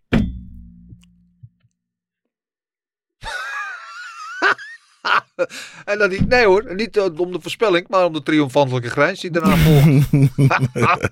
Klaar? Ja. Dat is wel zo, zo trop- we missen alleen nog de, de drumroll. Nee, die gaat op punten winnen. Oké, Ja, weet ik zeker. 100%. weet je zeker. Oké, niks in het leven is zeker, hè? behalve de dood en dat je moet poepen. Marcel, Sluiten we bij Gilbert aan. Ik denk ook dat het een puntoverwinning voor Randy Brown wordt. Eh, Trinaldo, super taai altijd. eh, ondanks dat hij toch al eh, best op leeftijd is, doet hij het heel goed. En eh, ja, voor Brown decision. Eh, Brown had die laatste partij van hem, die was eh, iets moeilijker. Eh het is ook een decision gepakt. Ga weer een decision voor Brown. Ja. Maar ik zie wel eh, heel veel potentie in Randy Brown. Dus ja. Heel veel potentie in Randy Brown. Oké, nou mooi. Dan hebben we de laatste partij. Die is tussen Trevin Jones en Raoni Barcelos. Eh, en daar is eh, Barcelos de favoriet bij de bookies. Opening odds min 220. Plus 180 de underdog. Trevin Jones. En eh Marcel, wil jij deze aftrappen? Ja, ehm, ja, ik ben eigenlijk al jaren echt fan van Barcelos, man. Ik vind hem echt goed. Ehm, vorige partij verloor die van Victor Henry. Ja. Was een beetje onverwacht, maar dat was een goede partij volgens mij. Eh, wat ik me kan herinneren was, ik weet niet of het Fight of the Night was geworden, maar het had het wel verdiend als het niet was geworden. Ehm Trevin Jones kwam in de UFC met die, eh, met tegen, tegen, tegen Timo Valiev. Eh, werd eigenlijk de eerste ronde eruit geslagen, kon verder. Sloeg hem vervolgens in de tweede ronde eruit. Werd omgezet in no contest door marihuana gebruik of wat dan ook. Ja, wat een gelul. Ja. Ja, toen won hij van Bautista, maar vervolgens eh verloor van Kakramanov en van, eh van Basharat. Ehm, ja, ik vond hem heel moeilijk eigenlijk, man. En heel, heel, gewoon omdat ik denk dat Barcelos eigenlijk gewoon meer talent heeft, maar iets te laat in de UFC is gekomen. En iets na zijn prime, ondanks dat hij nog altijd in een goede gevechten zit. En Trevin Jones heeft wel die knockout power om eruit te slaan, denk ik. Dus ik ga voor een upset. Ik ga voor Jones in de KO in de eerste ronde. Jones kou in de eerste ronde. Ja, Oké, nou, we- wat we wel weten, ze komen allebei van de twee verliespartijen. Dus ze zullen allebei redelijk gebrand zijn om wat te laten zien. Want eh, ja, mm, vechten misschien wel voor hun carrière. Hè? Drie verliespartijen op rij en je staat zomaar op straat eh, bij de UFC. Dus ik denk dat ze allebei wel eh, gemotiveerd en tot eh, de tanden bewapend zullen zijn in deze wedstrijd. Ik denk ook dat Parcellos iets meer wapens in zijn arsenaal heeft. Iets meer geslepen is dan, eh, dan Trevin Jones hier. En ik denk dat dat uiteindelijk hier de doorslag gegeven is. Ik, ik denk ook dat hij hem... Hmm, gaat hij hem finishen? Nee, ik zeg dat het een decision wordt voor Barcelos. Ja, ik wil ook voor een eh, decision gaan voor Barcelos. Maar ik zeg nu gewoon dat Barcelos ehm out in de tweede ronde. Ja, je- mag ook gewoon hetzelfde zeggen als ik. Het is Nee, te hoeft niet. Nee, nee, nee, nee, nee, nee, nee. nee. Is niet erg. Is Nee, niet nee, erg. nee, nee, Nee, is goed Nee? zo. Ja, let's go. Oké. Ja, oké. Ja. Dan eh, is alles eh set en done. Eh, bedankt allemaal in ieder geval voor de eh, voorspellingen. Jullie kunnen ze ook gewoon insturen via de mail info.vechtsbaas.tv en dan speel je lekker mee in ons klassement. Eh, even kijken, wat hebben we eh, nog meer allemaal op het programma staan? Oh ja, we hebben natuurlijk ook eh, Brandon Allen tegen Christoph Jotko in de, in de prelims. Eh, interview gehad met Brandon Allen in Florida afgelopen week. Dat komt deze week sowieso bij Eurosport.nl. Dus kunnen jullie dat daar zien. Goeie gozer, ook aardig gast. Ili Latifi tegen Alexei Olenik. Nou, hè? Zou er een, zou er een chokie komen? We weten, we zullen het zien. Eh, en oh ja, god moet ik weer dat Baby Shark aanhoren als die eh ah, Tabata Ricci eh, opkomt en zij gaat het opnemen tegen Jessica Penna. Dat is ook een gevecht waar ik me enorm op verheug. Ehm, dat begint allemaal om 10 uur met de prelims. Eh, wij beginnen met Eurosport inderdaad om 12 uur met onze preview show. Eh, dat betekent dat die ook op zender te zien is op Eurosport. Daar kun je dat eerste uur gewoon gratis zien. En vanaf 1 uur gaan we op Discovery Plus dan verder met de maincard. Wat is er nog meer allemaal deze week? Ja, er is nog wel meer. We krijgen Typhoon Oskan in de, eh, in de hoe zeggen we dat? In de, de circle, hè, noemen ze dat bij One Championship, geloof ik. Eh, anyway, die vecht bij One Championship eh, voor de featherweight titel tegen Superbon. Dat is wel een wedstrijd waar ik me wel een beetje verheug. Ik ben heel benieuwd hoe de, Turkish Typhoon het daar gaat doen. Eh Marat Grigorian, natuurlijk met een heel stintje, omdat hij voor hem uitkomt tegen Jamal Yusupov. Eh, ook kickboksen. En eh, ook ex-Lori Camp champ Anissa Maxson komt in actie tegen uh, Dankong Fa Banchamek. En het staat hier Muay Thai, maar ik dacht dat was een mixed rules fight, toch? Had ik begrepen. Ik weet niet, ik heb het opgezocht, er stond Ja. Muay Thai, dus of het, Oké. eh, of het nu weer veranderd is, ik heb geen idee. Ja, ik dacht dat ik ergens, misschien heb ik me vergist, maar ik dacht dat ze net als toen met eh, eh, Rotang en, en DJ, dat het een soort van mix fight. Dus één ronde Muay Thai en één, één ronde MMA. Maar ik kan me vergissen hoor, maar in elk geval Anissa Max natuurlijk eh, een van de, van de beste vrouwelijke kickboxers die er eh, eh, rond heeft gelopen, rond, loopt nog steeds. Dus dat is sowieso interessant. En aanstaande zaterdag ook, dat is wel jammer, daar was ik ook voor uitgenodigd in Eindhoven, de eerste Cage Warriors Academy eh, kaart in Eindhoven. Eh, en dat is natuurlijk leuk omdat Cage Warriors nu dan een, samenwerking heeft met Versus MMA. En daar krijgen we dus Nederlands talent die zo zich in de kijker kunnen spelen bij Cage Warriors en een contract kunnen verdienen. Dus dat is sowieso een goede zaak ook eh, voor de Nederlandse scene eh, dat dat gebeuren. En LFL heeft dus zoals gezegd liefst twee evenementen. Goed, dat loopt gewoon in elkaar door uiteraard. Maar eerst is Young Talents, dat zijn amateurpartijen. En daarna de LFL 6 kaart met inderdaad Jason Wilnis, Mel Murte Groenhart, ook Melvin Verzuidam komt daar in actie. Eh Massaro Grunder inderdaad, zoals we zeiden. En eh, eh, Gino Verstenus en nog veel meer eh, inderdaad in het transformatorhuis eh, bij het Westgasterrein. Dus ehm, genoeg weer om te genieten ook voor de Nederlandse vechtsportwin. Hm. Ja, Hm. kijk er weer naar uit. Ga je zondag? Twijfel. Eh, ik denk het wel. Ik denk dat ik wel even ga kijken, ja. Ik denk dat ik wel eventjes eh, mijn eh, gezicht... Ja, dat is mooi bij tijds ook. Ja. Ja. Ja, ja, precies. Het is dan heerlijk om daar zondag een beetje door de zondag heen te sudderen. En lekker een beetje Nederlands MMA te kijken. Helemaal top. Ja, ze zijn er toch alles bij elkaar weer een stief uurtje bezig geweest. Ondanks dat we geen UFC hadden. Toch? Gezellig. Ja. Ja. Trots op jullie. Mooi. Dank jullie wel. Geen dank. Volgende week, same time, same place. Allebei. Yes. Dankjewel. Jullie allemaal weer bedankt voor het kijken of voor het luisteren. Je weet, we zijn op eh, Spotify, YouTube. Jotify, maken we het moois van. Spotify, YouTube, Apple Podcast. Waar je je podcast ook wil volgen. Vergeet niet te liken, delen, abonneren. En vergeet niet je vragen in te sturen en je matchmaking suggesties. Eh, vragen kunnen naar de mail of naar de, de DM's op eh, Twitter en Instagram. En de, de, de matchmaking, dus zeg maar, de, de pics kunnen gewoon naar de mail info.vechtspazen.tv. Dan heb ik nog één ding te zeggen. De muscle! Everything is possible in your life when you believe. I'm not God or nothing, but I just baptized two individuals back to back. You, you know, they're, they're selling you all wolf tickets, people. You're eating them right up. Just give me location. Every day I send Dana White message. Hey, where's my location? Hey, pussy, are you still there? I wouldn't like to do that fight again. Oh, Go around there, where's the fine ass at?